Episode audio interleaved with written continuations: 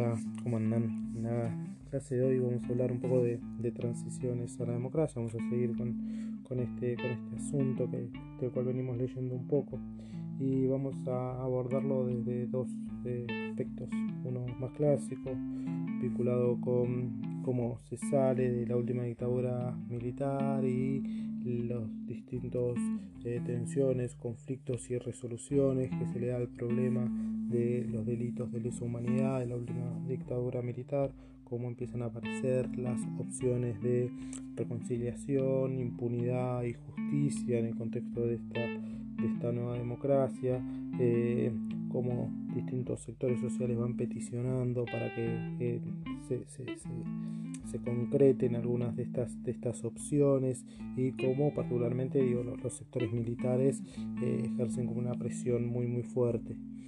Eh, también vamos a abordar la, transición desde, desde, un aspecto eh, no tan estudiado y no tan mencionado, pero que va ganando cada vez más fuerza, que es pensar la transición democrática desde, desde, los, eh, desde las movilizaciones sociales de distintos grupos.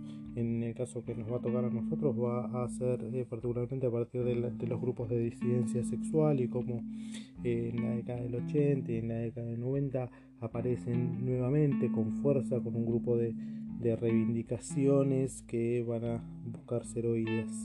Eh, pero bueno, así que un poco lo que vamos a charlar son esas, esas cuestiones. Empecemos.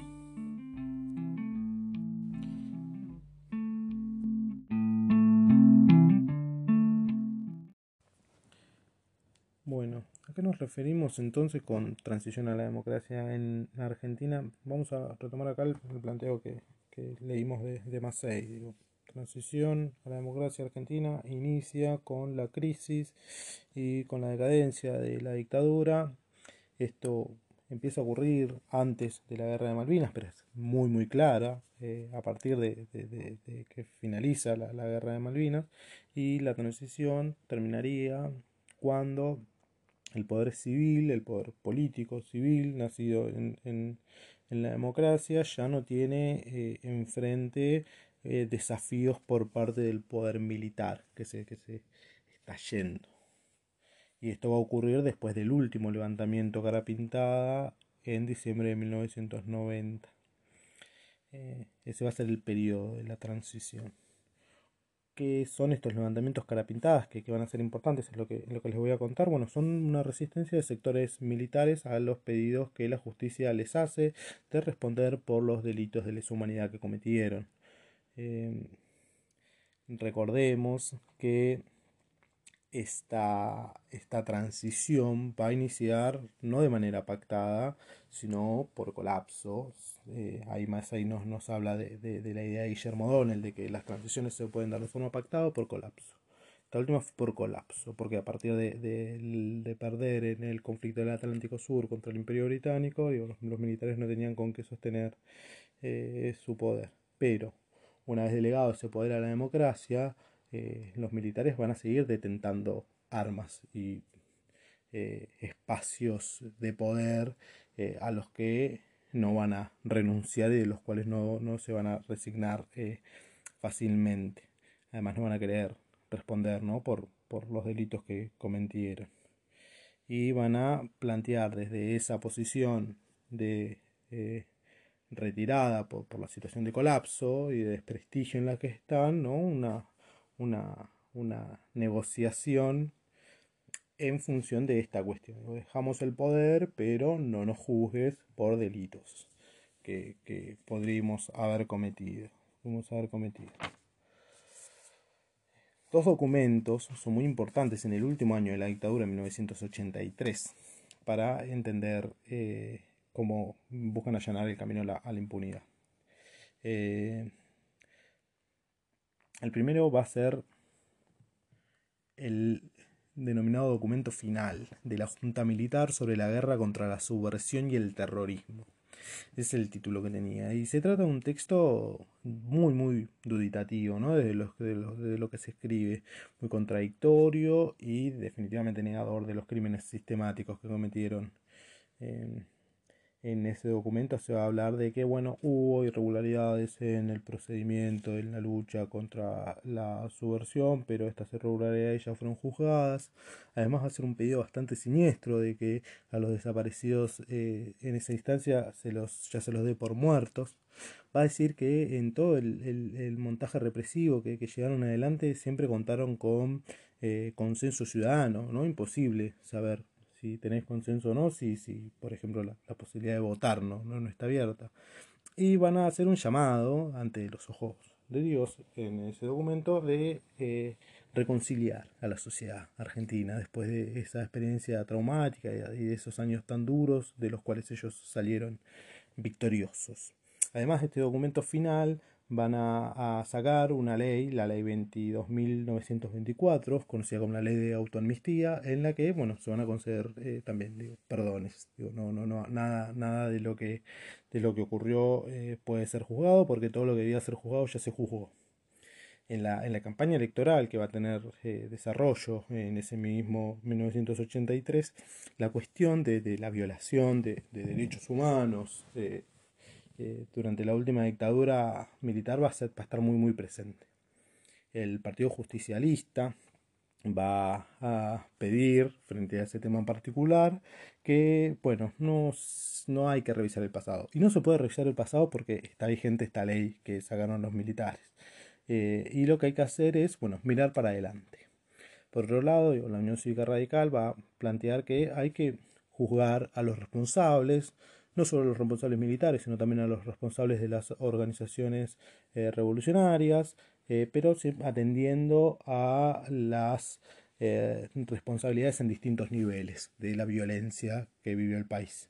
Va a haber una, postura mucho más radical, que va a ser la que va a plantear el, partido intransigente, que va a pedirle directamente rendición de cuentas a los militares y que esta, esta ley de automistía es, es absolutamente inconstitucional gana Alfonsín esas elecciones y lo primero que va a hacer es eh, derogar la ley de autoamnistía, crear eh, la Comisión Nacional sobre la Desaparición de Personas, que es la CONADEP, que después va a redactar el Nunca Más, y va a firmar dos decretos, el 157 y el 158. El primer decreto, el 157, va a buscar la persecución legal de eh, los miembros de organizaciones revolucionarias, sobre todo las cúpulas de las organizaciones revolucionarias. Y el segundo decreto, el 158, va a pedir la persecución penal también, pero de los miembros de las tres primeras juntas de gobierno de la última dictadura. Eh, o sea, ni siquiera todos los miembros de la junta de gobierno, solo de las, de las tres primeras juntas. Acá lo que, lo que vemos con estos dos decretos es como un poco Alfonsín empieza a institucionalizar lo que se va a denominar como la teoría de los dos demonios, que es esto de, bueno, ocurre una violencia eh, desde la izquierda y esta violencia respondida desde la derecha por parte de los militares y eso de, lo que ya estuvimos hablando. Lo que no se hace con esta institucionalización de la teoría de los dos demonios es eh, diferenciar al terrorismo de Estado ¿no? de la violencia que pueden llevar adelante organizaciones, grupos o individuos que cometen delitos. Acá se, igual, se iguala al Estado con las organizaciones revolucionarias. Se desconoce la, calidad del Estado como garante de la ley eh, y como garante de la ley el Estado no puede romperla y se reduce sus responsabilidades y, y, el compromiso institucional que tuvieron las Fuerzas Armadas en todos los niveles con la represión ilegal. O sea, la represión fue sistemática e institucional. Pero bueno, en diciembre de 1985, durante todo el año 1985 se lleva adelante el juicio a los excomandantes de las fuerzas, que es el mal llamado juicio a las juntas. ¿Por qué mal llamado? Porque se lo juzga de forma individual y no en tanto juntas, eh, en la que se condena en el juicio a los excomandantes a cinco de los nueve imputados. Cuatro son absueltos por eh, delitos. Eh, a quienes se condena, a Videla se le da cadena perpetua, también se le da cadena perpetua a Macera, a Viola se le da 17 años, a Lambruschini se le dan 8 años, eh, y después tenemos por ejemplo a Grafinia y a Lamidoso que son absueltos junto con Galtieri y Anaya. Estos últimos dos, Galtieri y Anaya, van a ser condenados a prisión, pero por succionar en la guerra de Malvinas y no por delitos de eh, lesa humanidad. Es eh, el contexto del juicio, un escenario de mucha, mucha movilización social y eh, da cuenta las distintas condenas, ¿no? de las tensiones que hay al interior de, de la justicia. Y estas tensiones que hay al interior de la justicia están en toda la sociedad. Eh, y van a aparecer, por ejemplo, también al interior de las fuerzas, de las fuerzas militares. El juicio a las juntas, el juicio a los excomandantes, va a ser como muy muy excepcional. Primero porque va a ser algo único en la historia reciente de, y en las transiciones a la democracia en América Latina. Eh, es, es, es, excepcional también porque mm, se puede interpretar como una, como una pérdida de, de la oportunidad de juzgar a, todas las juntas y al juzgar de manera individual uno tiene que pensar en, en lo que se condenó y en lo que no se condenó. Eh, también va a ser muy importante por la visibilidad que le va a dar la, al, al, a las atrocidades que se cometieron durante la última dictadura, digo, no solo a nivel nacional, sino también a nivel internacional. Y eh, lo que van a abrir es, eh, a partir de, del punto 30 del fallo condenatorio del, del juicio de los excomandantes, es la posibilidad de eh, que los procesos judiciales se trasladen hacia abajo en los mandos y que se trasladen a todos los oficiales las responsabilidades en la lucha contra la subversión, como le llamaron los mismos los mismos militares. Eh, o sea, abre la posibilidad de que se siga juzgando. A partir de esta posibilidad de que se siga juzgando y por presiones que empiezan a, sentir el, gobierno radical, va a sacar una ley en diciembre de 1986 que es conocida como la ley de punto final. Una ley muy importante. La ley 23.492. Esta ley de punto final lo que va a dar es 60 eh, días para que se reciban denuncias por delitos vinculados a la última dictadura militar. De nuevo, esta ley sale en diciembre y da 60 días para que eh, se reciban delitos. 60 días en el medio de un contexto de, por ejemplo, feria judicial. Feria judicial que va a tener que ser levantada en muchos lugares por la cantidad de demandas que llegan. Eh, no, no es una...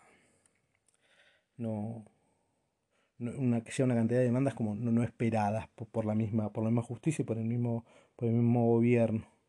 El, este, este, esta ley de punto final eh, y, esta cantidad de denuncias que recién van a generar mucha inquietud en las, en, los, en las Fuerzas Armadas y se van a empezar a organizar como eh, alzamientos.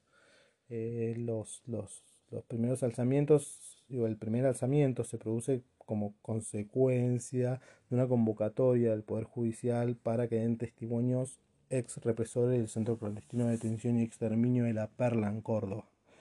Y va a derivar en, el, en abril ¿no? de 1987 en lo que se conoce como el levantamiento cara pintada de Semana Santa. Eh, los levantamientos cara pintada son cuatro. El primero es el de Semana Santa, en él eh, tiene el, mismo tiene un líder que es eh, Aldo Rico. Eh, este levantamiento de Semana Santa genera una gran movilización popular en, durante, en, la cual durante cuatro días la ciudadanía se va a concentrar en Plaza de Mayo en defensa de la democracia y en defensa de las instituciones y en apoyo, y en apoyo al presidente. Este, este, este levantamiento de Semana Santa, ya dije que tiene, tiene como, como tiene como protagonistas a estos carapintadas comandados por Aldo Rico. Aldo Rico es un comando, que son eh, un grupo muy especial dentro de las Fuerzas Armadas que, tienen gran prestigio entre sus compañeros de armas, sobre todo por su participación en eh, la, guerra de Malvinas, en donde tuvieron una participación bastante, bastante destacada. Estos eh, sublevados eh, van a ser considerados así en un primer momento por Alfonsín, van a ser considerados sediciosos. En el domingo de esa Semana Santa de 1987, Alfonsín se va a trasladar, va a negociar directamente con ellos y cuando vuelva va a cambiar su discurso. Ya les va a decir simplemente amotinados, les va a llamar héroes de Malvinas y eh, llegó a un acuerdo por medio del cual ellos se, rindieron. Eh, ¿De qué se trata este acuerdo? Bueno, de seguir cimentando ¿no? el camino a la eh, impunidad.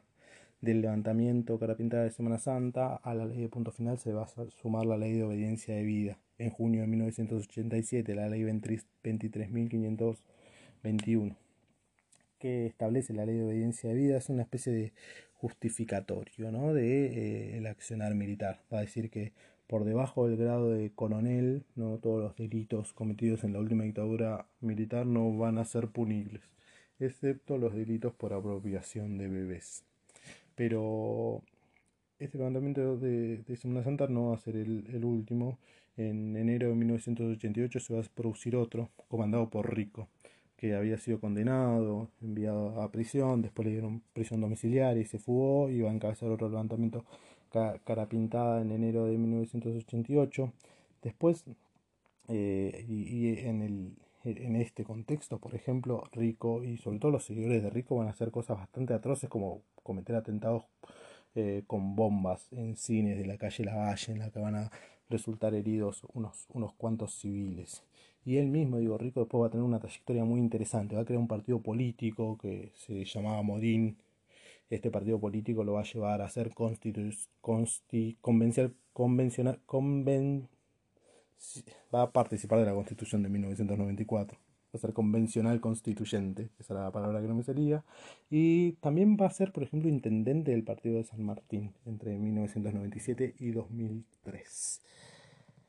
Pero bueno, los levantamientos encabezados por Rico no van a ser los únicos levantamientos cara pintadas y va a haber un tercer levantamiento en diciembre de 1988.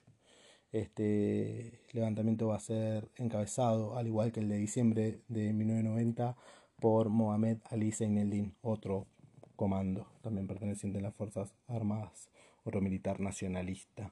Este último levantamiento, el de diciembre de 1990, va a ser durante la presidencia de Menem. Y en él va a haber 13 fallecidos. Cinco de ellos, por ejemplo, cuando un tanque del ejército arrolla a un colectivo de línea y mata a cinco civiles. Después va a haber eh, otros fallecidos en enfrentamientos. Enfrentamientos que se dieron, por ejemplo, en el edificio Libertador, en el microcentro de, la ciudad. Esos son los cuatro levantamientos carapintadas. ¿Qué, ¿Cuáles van a ser los, pedidos que van a tener los, los, los carapintadas en estos levantamientos? Bueno, lo principal va a ser eh, no juzgar a militares por delitos de lesa humanidad, indultarlos o no indultarlos, pero digo, en líneas generales lo que buscaban era eso, reivindicación ¿no? de, de, de, los militares en tanto héroes de Malvinas, así fueron llamados por Alfonsín, entre otros, más presupuesto para, para, las, para las Fuerzas Armadas, que, que sentían ¿no? que, que, el gobierno como los, los, los, estaba desprestigiando y estaba realizando toda una campaña en su contra por medio de, de, de, de, bueno, de no darle los suficientes recursos o los recursos que ellos sentían que necesitaban para desarrollarse y la persecución, así lo van a decir ellos, judicial. Eh, como consecuencia de este último levantamiento que era pintada, en realidad habían arrancado antes, pero Menem va a terminar de firmar indultos, o sea, perdones judiciales para la gran, gran mayoría de todas estas eh, personas que participaron y estos militares que habían sido condenados por eh, crímenes cometidos durante la dictadura. Eh, en el caso de los indultos, digo, no solo van a caer sobre eh, los crímenes cometidos por, militares, sino que también va a indultar a miembros de organizaciones revolucionarias en, el contexto de firmar los indultos. así, así queda como, como muy, muy firme el, escenario de la impunidad. Y estas tres leyes, o sea, este conjunto de leyes, la ley de punto final, la ley de obediencia de vida y los indultos van a ser conocidas como las leyes de, impunidad. Em, pero, bueno, ese va a ser el escenario durante la década del 90. Pero en la década del 90 no van a dejar de producirse movilizaciones. Por ejemplo, no sé, eh, Madre de Plaza de Mayo, Abuelas de Plaza de Mayo, muy importante. Eh, con esta cuestión de que, de que, los delitos de apropiación de bebé pueden seguir siendo eh, juzgados y se puede seguir condenando por ellos, van a desarrollar un trabajo muy muy interesante de lucha por, por la verdad y la justicia a partir de, de la recuperación de, nietos. Eh, van a aparecer otros distintos grupos y movimientos vinculados a los reclamos de justicia que vamos a analizar después, pero hay que tener en cuenta que para fines de la década del 90, entre el año 1998 y entre el año 2010, en ese, ese periodo de poco más de 10 años, estas leyes de impunidad fueron finalmente eh, derogadas, eh, anuladas y consideradas inconstitucionales por distintos organismos, el Poder Judicial y el Poder Legislativo. Eh, y a partir de, del, inicio del, nuevo milenio, ¿no? Del año 2003-2004, se, empiezan a reabrir procesos judiciales por delitos cometidos durante la última dictadura militar, procesos judiciales por los cuales hasta fines del año pasado se condenaron a 975 represores. Pero, pero bueno, eso es un poco lo, que tenía que comentarles de, esto. El balance entonces de, la transición a la democracia, si bien hoy en día los procesos de justicia se reabrieron y están llevándose adelante con todos los problemas que eso, que eso genera. el balance en este periodo 82-90 eh, es bastante, bastante complejo.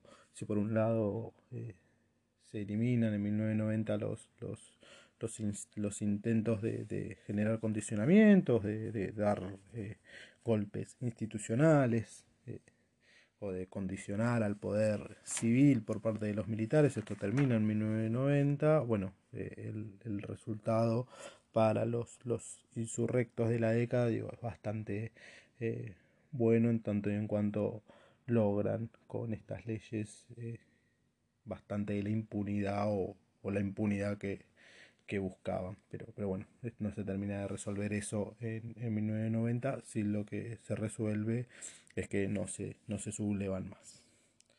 Pasemos a a lo siguiente ahora.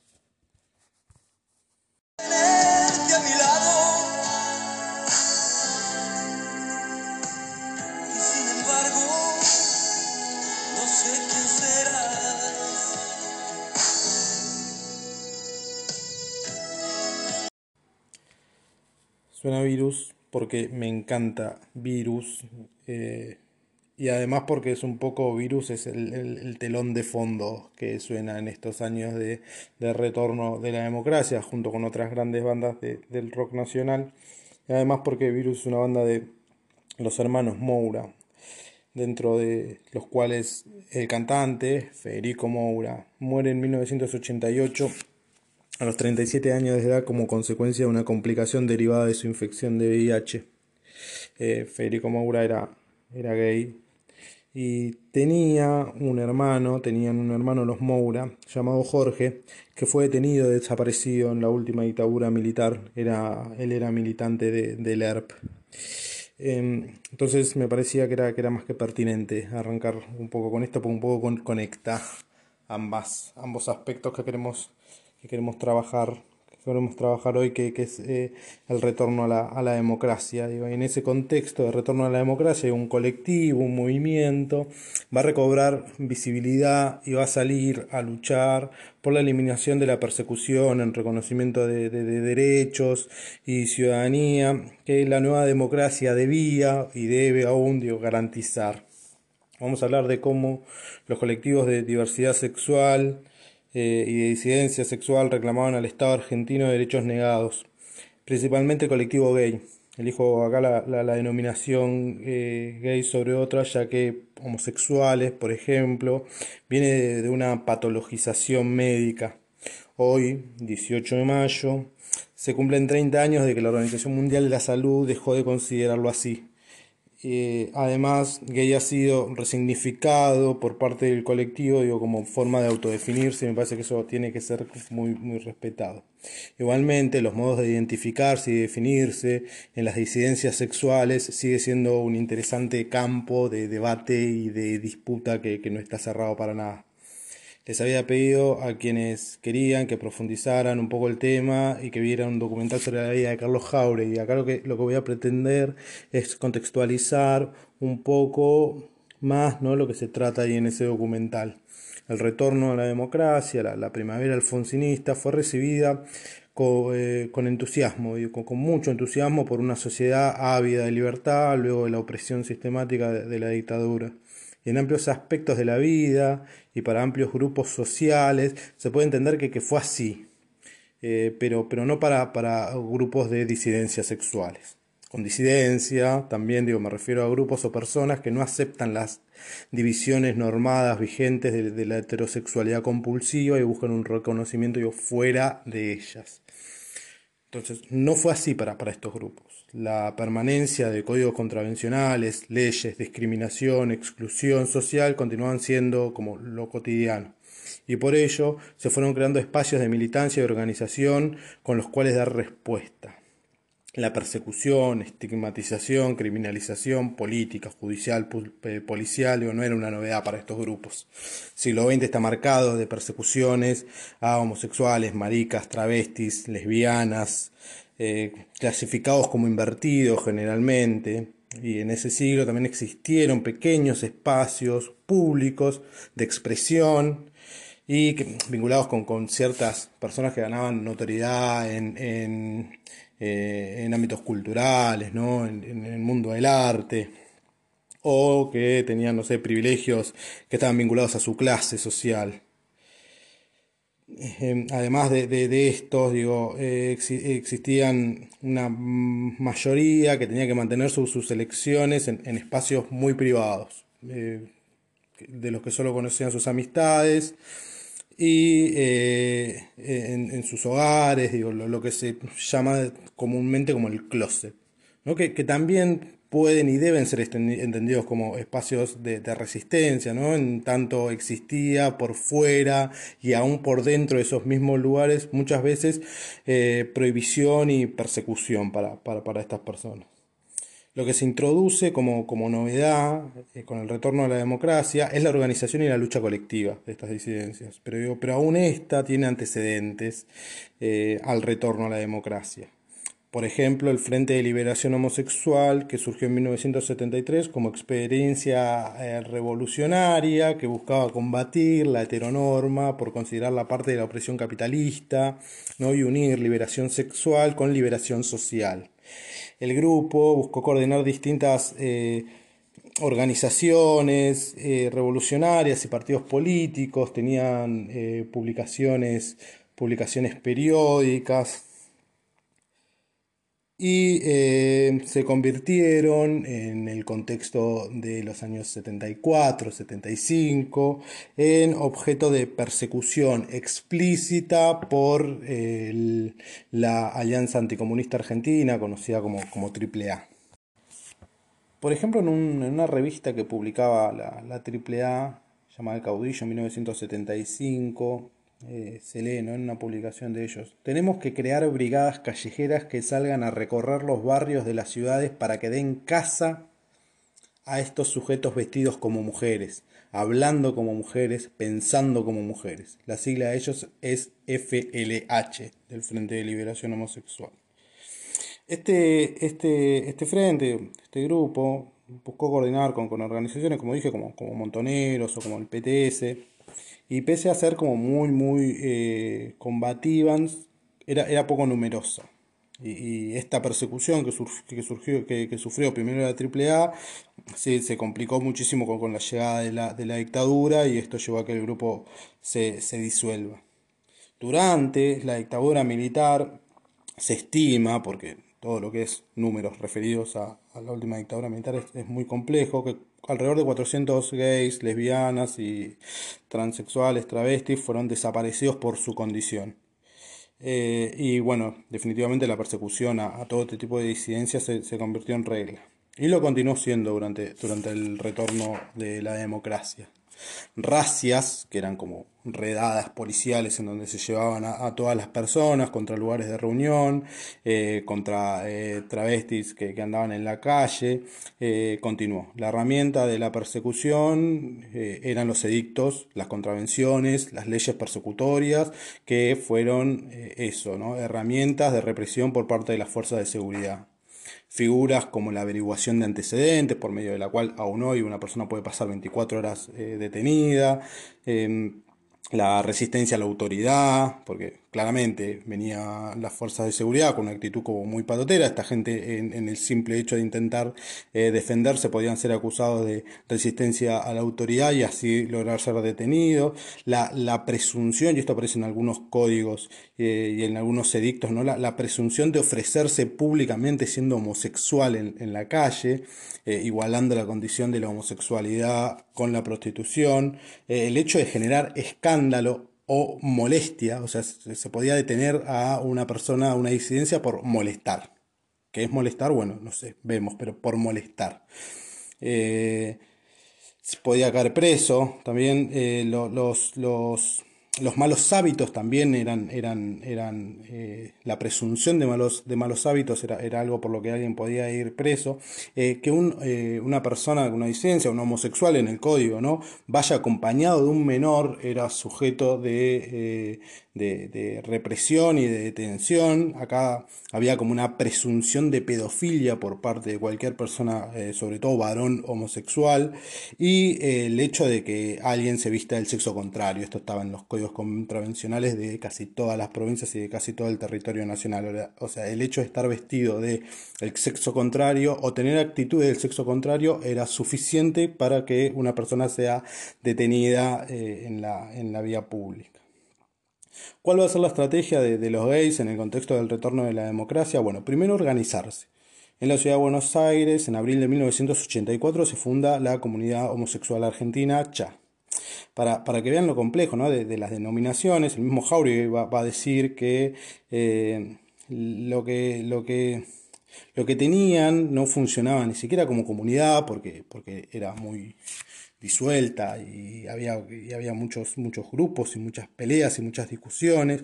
Tampoco eran todos necesariamente homosexuales y no todos se sentían de todo cómodos con esta caracterización de Argentina que denostaba como mucho, mucho nacionalismo. En la solicitada en la que se van a conocer se presentan, eh, presentan ¿no? ya un principio político. Ellos se van a conocer en una solicitada que sale, por ejemplo, publicada en el diario Clarín, ahí en abril de 1984. Y el principio político es con represión y discriminación no hay democracia.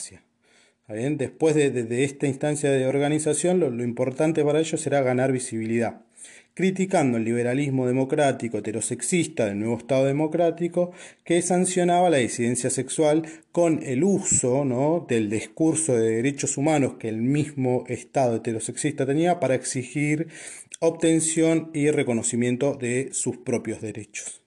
O sea, los derechos de los homosexuales son derechos humanos. Eh, en un escenario donde, donde el discurso este ¿no? de derechos humanos tenía como mucha, mucha visibilidad. También va a aparecer en la segunda mitad de los 80 y principios de los 90 como con mucha fuerza eh, una nueva visibilidad a partir de la epidemia de VIH-Sida que homofóbicamente no era presentada como peste rosa, estigmatizando a los gays eh, y, encerrándolos ¿no? en una disyuntiva de, realizar por un lado campañas para, concientizar y prevenir la propagación del virus, que generó muchas pérdidas humanas entre, entre ellos y muchas pérdidas humanas en general, y la continuidad de su lucha por otros derechos. En ese contexto, digo, la CHA, Gays por los Derechos Civiles y otros colectivos y agrupaciones también eh, de, disidencias, de disidencias gays, lesbianas, transexuales eh, y travestis van a, comenzar a articularse, a articular la lucha, a buscar espacios de lucha conjunta para, en la década del 90, eh, y, es, y, es, acá en donde, donde figuras como, y referentes políticos como Jauregui son muy importantes en la cuestión de la, articulación y se vuelven fundamentales para en la década del 90, por ejemplo, el 28 de junio de 1992, eh, organizar la primera marcha de el orgullo ley, el orgullo gay lesbiano, como, como se va a llamar. Eh, y eh, también después participar de eh, la Convención Constituyente de la reforma de la Constitución de 1994 y también en la creación de la Constitución de la Ciudad Autónoma de Buenos Aires, que lo que buscaban, bueno, lograr una legislación positiva para la integración civil de gays y disidencias. El primer, primer gran paso en la... Eh, construcción y en, el logro de una legislación positiva para la integración civil de, gays y disidencias va a estar en el, en el artículo 11 de la Constitución de la, de la, Ciudad de Buenos Aires, que fue redactado por Jauregui y que se los voy a leer. Dice, Todas las personas tienen identidad idéntica, dignidad y son iguales ante la ley. Se reconoce y garantiza el derecho a ser diferentes, no admitiéndose discriminaciones que tiendan a la segregación por, por razones o con pretexto de raza, etnia, género, orientación sexual, edad, religión, ideología, opinión, nacionalidad, caracteres físicos, condición psicofísica, social, económica o cualquier circunstancia que impide distinción, exclusión, restricción o menoscabo la ciudad promueve la remoción de obstáculos de cualquier orden que, limitando el hecho de igualdad y libertad, impidan el pleno desarrollo de la persona y la efectiva participación en la vida política, económica o social de la comunidad.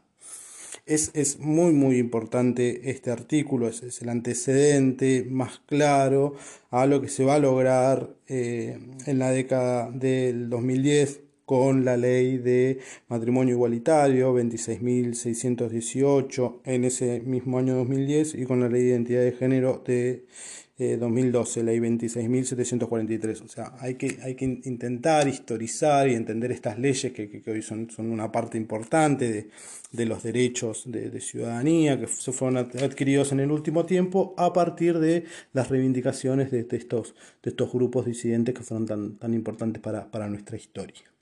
Y como, como estamos hablando de, estas disidencias, estamos hablando del retorno de la democracia, y arranqué con el apartado con, un cachito de rock, bueno, lo voy a terminar con otro, otra, otro músico que, también padeció de el virus de la inmunodeficiencia humana, eh, que fue Miguel Abuelo. No murió por, por VIH-Sida, sino que murió por, por otras complicaciones, pero bueno, lo voy a usar para, para cerrar. Eh, nos vemos y que sigan todos bien.